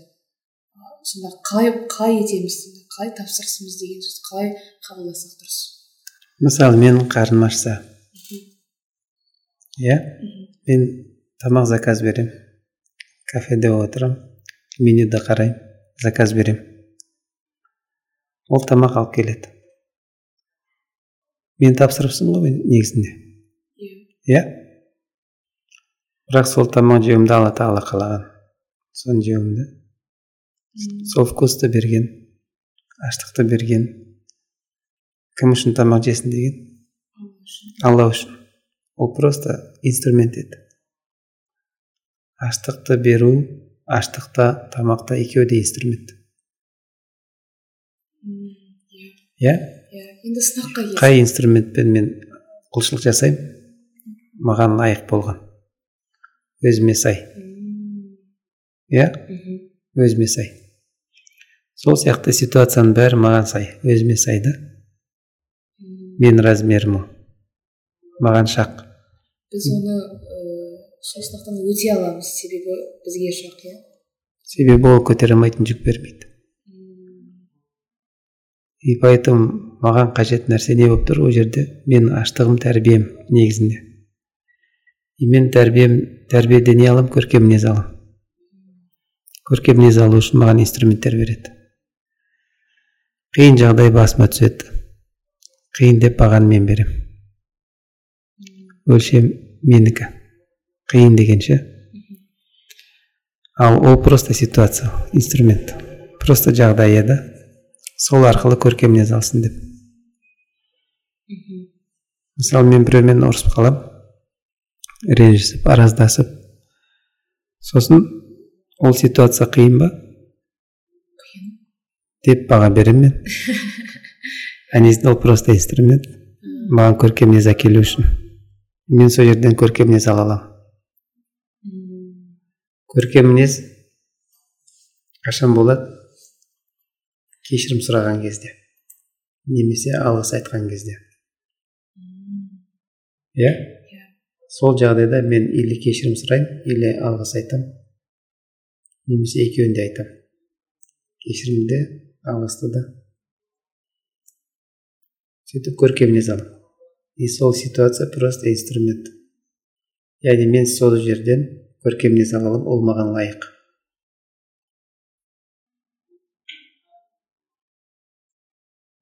Сонда мысалға бір сынақты. Шынымен бұл біздің тапсырысымыз дегенмен аллах тағала оған біз сай болғанымыз үшін біз одан өте алатынымызды біле, біліп сондай көркем шексіз мейіріммен сол сынақтарды біздің тәрбиеміз үшін өзіміз үшін жібереді иә. Иә. Ол маған қажет болып тұр. Мен сол жерден оңай өте аламын негізінде. Ақылды қолдансам сұрақ қойсам кім үшін деген. Сол жерден көркем не ала аламын. Кешірім сұраған кезде кім үшін деп сұрасам. Алғыс айтқан кезде де алла үшін айту керек иә. Иә. Ол күшті болған үшін емес алла тағала сол қалауды бергені үшін. Иә. Но бірақ андай ағай осы состояниені мысалға мысалы сіздің семинарларыңызға барамыз ғой. Сондай бір состояниеде шығамын да жақсы енді сұрақ қоямын әркез ойланамын деген ә, мотивте шығамын сосын мысалға ол созылады екі үш күнге подкаст аламын. Тағы да ол екі үш күнге созылады. Редакциялаймын екі үш күн тыңдаймын. Тағы бір сондай бір апта екі аптадай созылуы мүмкін. Қалай бірақ бұл ә, сұрақ қоюды әркез әркез өз өзімізге ден есеп алуды қалай? Ұзаққа созуға болады. Негізінде сондай ортаны көбейту керек та. Бір біріне сұрақ қоятын еске салатын. И там единомышленниктер дейді ғой. Иә иә то есть бір бірін құтқаратын. Оны пайғамбарымыз саллаллаху алейhi сахабалар бір біріне бауырлас қылады ғой бауыр қылады. Иә иә иә. Сөйтіп бір бірін жетелейді олар. Иә айтады. Сұрап тұр дейді да менен сұрап тұр. Мысалы бізде де солай істесе болады. Бір бауыр аласыз да өзіңізге айтасыз маған сұрақ қойып тұр дейсіз. Мен саған сұрақ қойып тұрамын дейсіз. Сөйтіп бір біріңізді тартасыз локомотив болады мысалы еске салады аха мысалы ол маған әрбір жұмыс жасаған кезде мысалы подкаст жазайын деп жатырмын деймін иә ол маған сұрақ қояды иә кім үшін жасап жатырсың иә иә сондай солай ғой сіз онымен сөйлескен кезде кім үшін деп сұрақ қояды иә кім шешті деп иә иә кім шешті күшті күшті енді мындай сұрақ қойыпты да оқырман сіз осы манағыда айтып кеткен едік біздің біз өзіміз қалай алмаймыз иә? Құл қалай алмайды? Бізге қалауды аллах тағала бергені үшін ғана біз қалаймыз иә? Және осы қалауды біз былайша айтқанда игнорировать етуге болмайды иә? Яғни біз бала секілді кез келген қалауды есептемей да лайықпын ба лайық емеспін бе жай ғана сұрау керекпіз. Мысалға бір оқырман бір сұрақ қойыпты мен мысалы қымбат телефон қалап тұрмын дейді. Оны ә, ол сезімді аллах тағала берді. Біз есеп беріп бұл телефонды алмаймын мұқтаж емеспіз деп айтуымыз мүмкін. Жаңағы өзінің қаражатына қарап деген секілді. Немесе аллах тағала ол сезімді берді ғой деп барып қымбат болса да сатып алуы мүмкін. Ә, соның осы екі шекараны тағы да қалай ортасына ұстамамыз мхм. Алла тағала маған сезім берді ғой. Иә. Телефон ал деген. Мхм бұл инструмент. Мхм маған келген не істеу керек екенін көрсетіп жатыр. Мхм сол нәрсені мен кім үшін істеймін? Алла үшін. Алла үшін. Иә. Қалау қалауым үшін жасаймын негізі. Мен қалаған болса болсам мен үшін болып кетеді а онда былай жасайық. Қалауды беріп жатқан алла үшін. Алла тағала маған сезім берді қажеттілік етті. Негізінде телефон қажеттілік. Иә? Қажеттілік ол қалау емес. Өйткені қажеттілікке қарсы тұра алмаймын мен. Мысалы қарын ашу қажеттілік. Мұқтажбын мен қарсы тұра алмаймын м, а қалау еш нәрсеге тәуелді емес. Ол қаласа жейді қаламаса жемейді да. Мәжбүрлік жоқ ол жерде. Аштық болса мәжбүрлік. И сол сезімдер мен мәжбүрлейді. Істеуге ше бір нәрсеге мәжбүр қылады да. Ондай болса менде қалау емес ол. Иә. а мен айтам сол сезімді иеленіп аламын өзімдікі деймін. Мен қалаймын деймін да. Иә иә сөйтіп қалау менікі деймін. Мхм, мхм. вот қателік сол жерден кетеді. Мен қалаймын деген нәрсе сол. Негізінде Иә. қалаған алла тағала еді. Және біз тек мұқтаж едік. Иә біз тек қана мұқтажбыз. Солай дұрыс сұраса ғана болғаны иә. Мен просто сұрасам потому что ол қажеттілік маған келді сұра деп маған бағыт беріп жатыр инструкция беріп жатыр да. Не істеуім керек екенін ал барып сатып алса просто. Иә. кім үшін? Ол асығып тұр демек ол өзі үшін егер ол сұрақ қоймаса кім үшін деген. Ол просто на автомате істей береді инстинктімен иә Иә. жәндіктер сияқты. Иә сонда ә, кез келген қалауды орындарда да ә, кім үшін деген сұрақ қоя беру керек иә? Иә любой нәрседе любой амалдың алдында әрекеттің алдында кім үшін деген сұрақ қойса ойлана бастайды. Машалла мына подкасттың атауын ә, төребек бекбаев кім үшін? деп қоямын ау деймін. ағай ә, енді мындай сұрақ қояйыншы өмірлік жар таңдауда өз адамыңды табуда не нәрсеге аса мән беру керек? Ә, және ол сезіле ма мысалға? Ә, бұл менің адамым деген нәрсе деп оқырман сұрақ қойыпты. Иә. Біріншіден менікі деген нәрсе жоқ қой. А осы жерден бастайық десеңізші. Иә. Бәрі кімдікі алланікі. Иә иә иә. Сосын кім таңдайды? Мен таңдаймын. Алла тағала таңдайды. Алла тағала таңдаймын өйткені маған маған вкусты кім береді? Алла тағала. Иә? Бірақ Мен менде бірнеше таңдау болады ғой. Бірақ мен қайсысын таңдаймын? Мхм. Қайсысын таңдаймын? Біреуін таңдаймын. Қайсысы тартымды болса маған. А иә. Қайсысы тартып жатса иә? Иә егер ол мені тартып жатса значит мен емес қой таңдап жатқан сезім тартып жатыр мен емес қой мен оған еріп бара жатырмын мен оған ерем сезімге ше иә иә иә. Поэтому мен емес оны таңдап жатқан жүрекке әмір жүрмейді дейді ғой. Иә? Иә иә иә. Ол маған бағынбайды. Аллах тағала вкус және талғам Иә. талғам деген вкус қой және қалай айтуға болады? Тарту сезім беріп қояды иә? Сезімді. Бәрін ол береді. Иә? Мен оған ерем. Мен оған қарсы тұра алмаймын. Сол үшін таңдап жатқан ол лайық көріп жатқан да ол. Қайсы менікі менікі емес екенін ол біледі. Иә иә иә. Иә? А мен оған ерем. Мен оны қабылдаймын. Сол кезде мен шатасам ба шатаспаймын деп ойланатын болсам Иә. ол ой сезім емес. Иә иә иә. Ол ой қай жақтан келеді оған араласуы мүмкін. Иә шайтандар Иә. Араласуы мүмкін. Сол үшін мен сезімге қарауым керек. М, сезім мені мысалға- адастырмайды ал мысалы былай есептеуде бұл есептеу ма? Мен бір бірімізді түсініп кетеміз бе?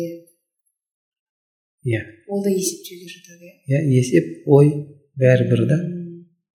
Тек сезімді тыңдау керек тек сезімді тыңдау керек сол кезде ол қателеспейді мысалы айтады мен оны жақсы көрмедім Иә.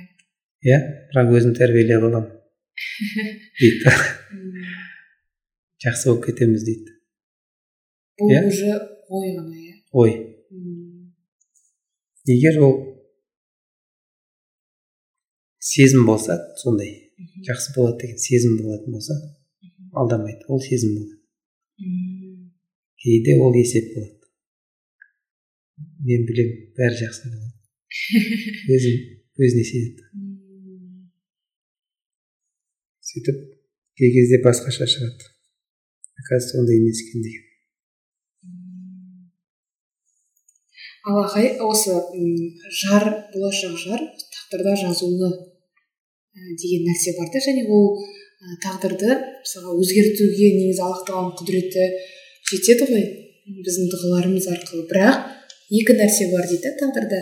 Өзгертілмейтін біздің ә, өмір сүру уақытымыз және ә, болашақ жар. Сол шын ба әлде болашақ жарды да тағдырдағы өзгертуге бола ма дұғамыз арқылы? Негізінде тағдыр біздің жұмыс емес. тағдыр алланың білімі. То есть біз оған әсер ете алмаймыз тағдырға.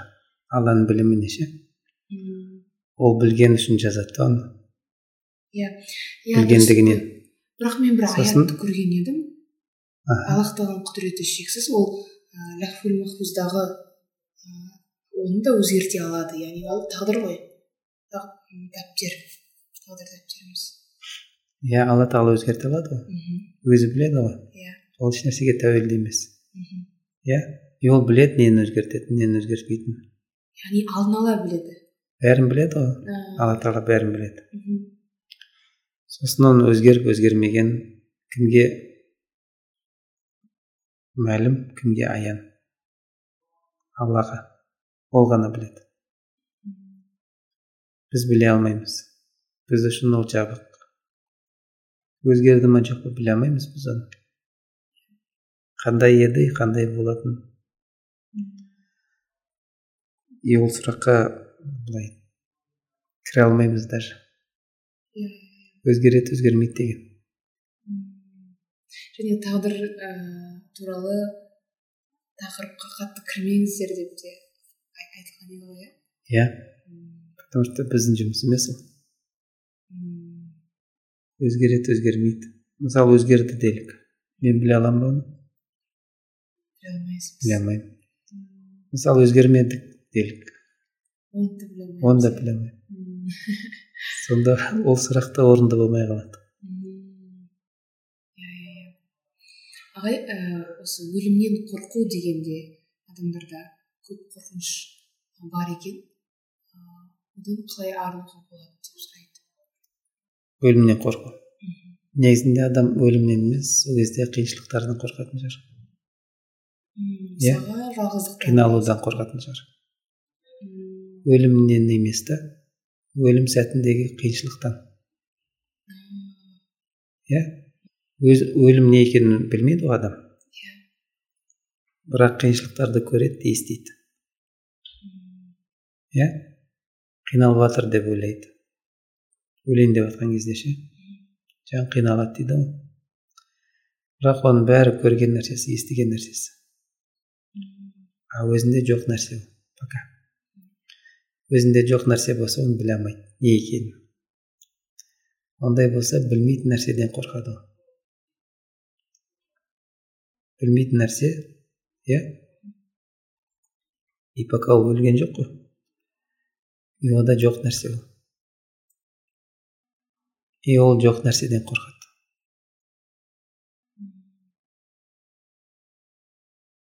жоқ нәрсені өзі жасап алады ойша ол тек қана ойдан қорқады иә ойдан иә иә иә иә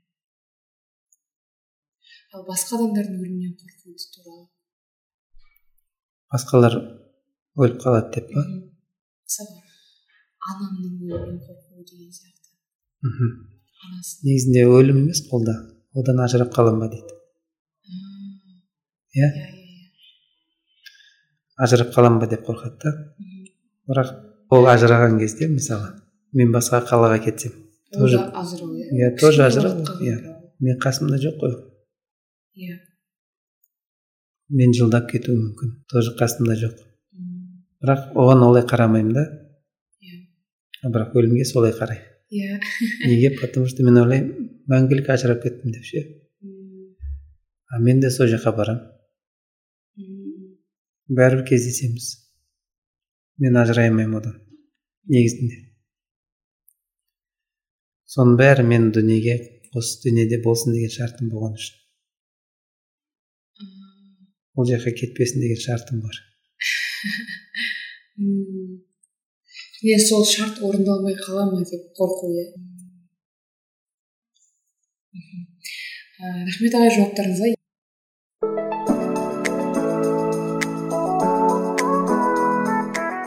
Үшінші бөлім ә, адам сынақтарымен деп аталады да. Негізі сіздің ә, үш семинарыңызға да қатысқан ғой. Сол кезде соңғы нәпсі деген семинарда ойладым сіз бірінші нәпсі мен екінші нәпсі бар ғой. Сол арасындағы айырмашылық ойлануда то есть размышлениеда дедіңіз да? Сол кезде ойладым сіз демек құлпатша деген семинарды өткізудегі басты мақсатыңыз басты хикметі осы адамдардың бір, бір бірінші нәпсіден екіншісіне өтуі иә? Және одан кейінгі семинар отношения ғой бұл жерде қарым қатынас яғни сезімдер дұрыс жеткізу. Как раз таки ә, нәпсінің үшіншісі ол ә, тек қана разум емес сезім және разум. Ал екінші нәпсі тек қана разум еді. Сосын ойладым демек отношения деген семинарға адамдар екінші нәпсіден үшіншісіне өту үшін бара, бара алады иә? Сіздің де өту мақсатыңыз сондай ма сонда? Солай шықты енді қараңызшы ағай ә, нәпсі деген не? Содан нәрсе сол нәрсені түсіндіріп кетсек сіз нәпсіні құрал ретінде айтқан едіңіз құрал. Және сонда біз нәпсімізді дос көрейік пе мысалы біз құралымызды күнде ұстаймыз ғой бізге ол бір мысалы мына қалам құрал десек жазатын. Мен онымен доспын. Демек біз де нәпсімен дос боламыз ба? Дос көрейік пе достың мағынасы қандай негізі? Дос мағынасы маған көмектеседі. Сосын? Жанымда всегда. Мен ше мен де оған көмектесемін. Көмектесемін ба? Иә. Ну дос болғанда сондай. Мхм. Досым бар болса мен де оған көмектесемін. Иә. Ручкаға қалай көмектесемін. Оны қолдану арқылы. Мхм. Әйтпесе ол қолданбай шаң басатын еді мхм значит ол маған дос емес қой. Ол маған құрал просто. Шын ба? Мен оған көмектесе алмаймын ба иә иә иә. Иә? Мен оған көмектесетін болсам дос боламын мен көмектесе алмаймын. Дос бір жақты емес қой екі жақты. Мен оған ол маған алыс беріс қарым қатынас барыс келіс дұрыс па иә иә иә. Поэтому дос тірі тірі жанда тірі жан. Дос болады. Нәпсі дос болмайды. Нәпсі құрал болады. Тек қана құрал.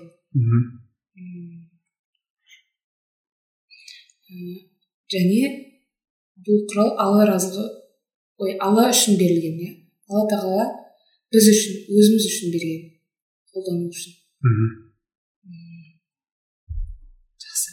Енді ағай қараңызшы бірінші нәпсіден екінші нәпсіге қалай өтеміз?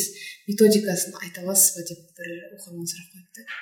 Тек қана сұрақ қоюмен сұрақ қоя бастағанда бірінші нәпсі ол животный жәндіктердің нәпсі.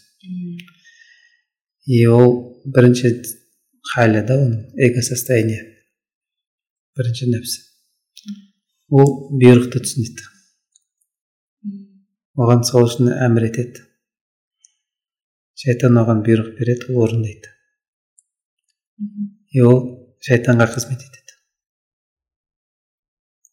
бірінші нәпсі соны айтқанымен жүреді жәндік сияқты приказдар орындайды. Иә және оның ә, всегда аргументтері бар. И ол ешқашан не ойланбайды да. Тек шайтан айтқанымен жүреді соны айтқанын орындайды. Мысалы біреу маған жаңағыдай жамандық істеді сен де оған жамандық істе дейді. Приказ келді маған. Немесе ренжіп қалды. Ренжіп қал дейді приказ келді да. Иә и мен ренжимін. Мен соны орындаймын. Бұл бірінші нәпсі. Шайтан айтады ол кінәлі дейді мен иә деймін ол кінәлі деймін мен ол жерде ойланбаймын сұрақ қоймаймын орындаймын иә и менде бәрі кінәлі болады бірінші нәпсіде бәрі кінәлі одан құтылу үшін сұрақ қоюым керек оны кім үшін ренжіп жатырмын оны кінәла дейді ғой кім үшін деймін кім үшін кінәлаймын мен оны кім үшін ренжимін кім үшін ашуланамын оған сұрақ қоя бастаған кезде уәсуәс өтпей қалады шайтанның бұйрықтары өтпей қалады сөйтіп бірінші нәпсіден шығады сұрақ қоя бастаған кезде адам бола бастайды бірінші нәпсі ол жәндік екіншісі адам а адам деген сөз ерекшелігіне ойлану ойланған кезде адам болады сұрақ қойған кезде ойлана бастайды. Поэтому оны құтқаратын нәрсе сұрақтар. Демек ә, бірінші нәпістен екінші нәпсіге сұрақ қою арқылы өтеміз. Иә. Сұрақ қоймаса ол процесс тоқтаса сұрақ қою ше бірге түседі қайтадан. Қайтадан бірге. Иә бірінші состояниеде өмір сүреді. Біз көбіміз онда осы бірінші нәпсіде екенбіз иә? Мүмкін. Кім шешті десеңізші. Мен барлығын білмеймін ғой. Тек қана мен бармын. Егер менде бір кінәлі адам бар болса мен бірдемін мен біреуге ренжіген болса мен бірдемін менде кінәлі адам бар болса. Иә. Ал екінші нәпсі ол ойланатын нәпсі сұрақ қоятын нәпсі. Бірақ бұл жақта сезім жоқ иә. Бұл жерде сезім жоқ ақыл бар. Тек қана ол ойланады. Бұл жерде логика бар да иә бұл жақта кінәлі адам жоқ шынымен бұл жерде кінәлі адам жоқ ол түсінеді что барлық нәрсе менің заказым менің тапсырысым мен арқылы и барлық нәрсе мен істеп жатқанымда тіпті андай мысал келіп тұр да ойыма бір сүрініп кетсе де ешкімді кінәламайды ешкімге ренжімейді біреу құлатып кетсе де ешкімге ренжімейді ешкім жоқ қой ешкім жоқ тек қана мен бармын дейді. Иә. Сол сияқты барлық нәрсеге егер инструмент деп қараса менен басқа ешкім жоқ десе сол кезде кінәлі адам қалмайды ода және бұл состояниеде ұзақ тұру үшін әркез сұрақ қою керек жақсы орта болу керек иә. Және екіден үшке өту үшін жаңағы сіздің отношения деген семинарға қатысу керек. Және сезімді дұрыс жеткізу керек па иә сезімдермен жұмыс істейміз. Үшінші нәпсі ол сезім. Сезім. Сезім және разум екеуі қосылады. Екеуі қосылады. То есть біртіндеп қосылып кете береді. Толығырақ білгіңіз келсе адамдарға шамалы азырақ болып қалуы мүмкін. Айтар едім нәпсі семинарына барсын. Әрбір семинарға барсын. Бірінші құлпатшаға барған дұрыс. Екінші отношения және соңында нәпсіге. Енді ағай қараңызшы осы нәпсімен адамдармен жалпы кез келген сынақтың хикметі неде деген сұрақ қойыпты да оқырман. Ә, біз мана айтып кеткен сияқтымыз. Иә. Барлығының хикметі ол бізді тәрбиелеуде. Иә. Барлық нәрсе құрал инструмент біздің тәрбиеміз үшін бізге құлшылық жасау үшін берілген да. Біз тек қана онымен құлшылық жасаймыз нәпсімен ше? Ағай мындай нәрсе бар да мысалға мен подкаст жазған кезде кейде болады халық ә, кейде ел прям қоғамға пайдалы болайын деген ниет болады ғой. Қалай мысалы мен адамдар үшін жасап кеткен болмаймын ба мысалы кей кездері кей кездері болады мен өзіме қатты керек болады сондай бір насихат. Сол үшін кейде мысалы бізде менде апта сайын шығып тұрады да подкаст апта сайын мен адамдармен сұхбаттасып шығарып тұрамын. Сол сол кезде қалай туралаған дұрыс ниетті. Тағы да сұрақ қоюмен сұрақ қоюмен кім үшін істеймін халық үшін болса? Сол жақсылықтың бәрін істей алады адамдар. Халық үшін деп ше бала шаға үшін адамдар үшін мен үшін деп. Оның бәрі жақсылық бола алады. Бірақ құлшылық бола алмайды құлшылық болу үшін тек қана алла үшін болу керек. Тек алла үшін кімге арнаймын мен? Адамдарға емес аллаға арнаймын. Иә. Иә адамдар қолданады жақсылық қой. Иә жақсылық пайдасы бар. Бірақ алла үшін. Алла үшін. Сол кезде міндет болмайды. Адамдарға міндет қылмайды ол. Сен үшін істедім деп ше. Иә тыңдаңдар деп иә. сол кезде қарымды жаңағы қайтарын ойламайды да. Иә иә иә. Қайтарымын ойламайды. Алла үшін болғаннан кейін қиналмайды. Ренжімейді де. Ренжімейді шарты жоқ просто так жаман пікір болса мысалы ренжімеуге де болады иә шарт болмаса иә пікірге шартым болса егер пікірге қандай шартым болады жақсы пікір айтсын деген иә жаман нәрсе айтпау керек иә ол шарт менікі сол үшін ренжимін жақсы түсінікті ағай мындай сұрақ қойыпты бір оқырман күшті сұрақ екен адамның өзінің өткен шағын балалық шақтан бастап қазіргі кезіне дейін зерттеуі өзін өзі қандай маңызға ие? Өткен шақтан қалай дұрыс сабақ алуға болады дейді. Мхм. Негізінде ол өткен шақта естеді бәрі опыт қылып қалады ғой да. Сол установка сол решениялармен өмір сүреді ол. Всегда постоянно қолындағы нәрсе болған үшін. И әр жағдайда оны еске түсіреді еске салады. Сол жағдай соны еске салады өткен шағын ше өткен шағында не істегенін еске салады любой бір жағдай сол кезде ол оны егер копировать ететін болса өткен шағында қалай істедім мен былай істеген едім тағы да солай істеймін десе дамымайды қалай істеген дұрыс деп қарайтын болса дамиды то есть оны опыт қылып алу керек та. Копия қылып алмау керек. Өткен шағын тәжірибе деп алып соны иә. қалай жақсартсам болады деп. Иә қайталау емес. Қалай одан да жақсы істеуге болады деп қарау керек. Жақсы жақсы. Рахмет. Ағай біздің ә, сұрақтарымыз негізгі бөлімдегі сұрақтар аяқталды. Көп рахмет. Алла разы болсын. Енді бір айдар бар еді. Ол ә, сіздің мамандығыңызға психология саласы аса қатты маңызды ой қатысты емес. Ә, өзіңізге қатысты сұрақ. Ә, қысқа жауап берсеңіз болады ұзағынан да жауап берсеңіз болады. Ә, бірінші сұрақ арманыңыз қандай? Арманым. Ә, адам болуы. Адам бола алу адам болу иә. Бірінші нәпсіде жүрген адам екіншіге өтсем дейді ғой. Иә. Адам болсам дейді. Иә. Адам болу әсте әсте. Адам болу үшін сұрақ қою керек ойлану керек и ол процесске жету негізінде постоянный процесс ол. Иә иә тоқтамай. То есть армандардың өзі жақын болу керек та. Мен сразу үшке өте аламын. Үшке армандаймын деп. Қарамау керек. Қасында не бар? Бірінші соған бірінші адам болу ұзаққа кетпеу иә?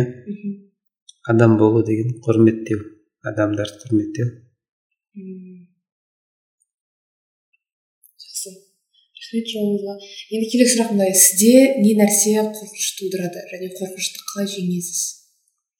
Жаңа қорқыныш айттық қой негізінде. Иә. Иә қорқыныштар қалай жеңетінін ше қорқыныштар жоқ нәрсе.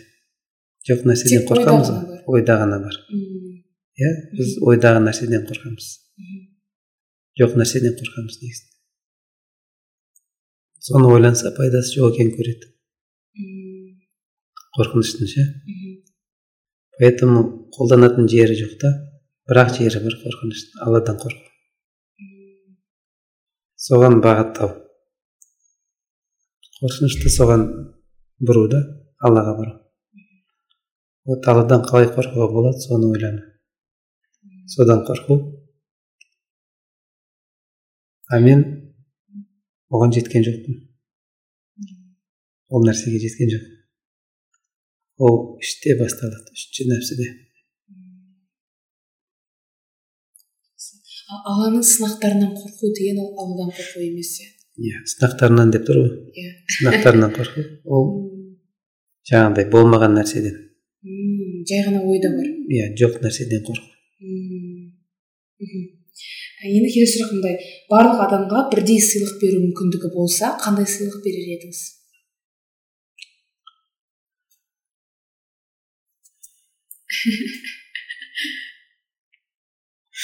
Негізінде мейірім деп ойлаймын мен.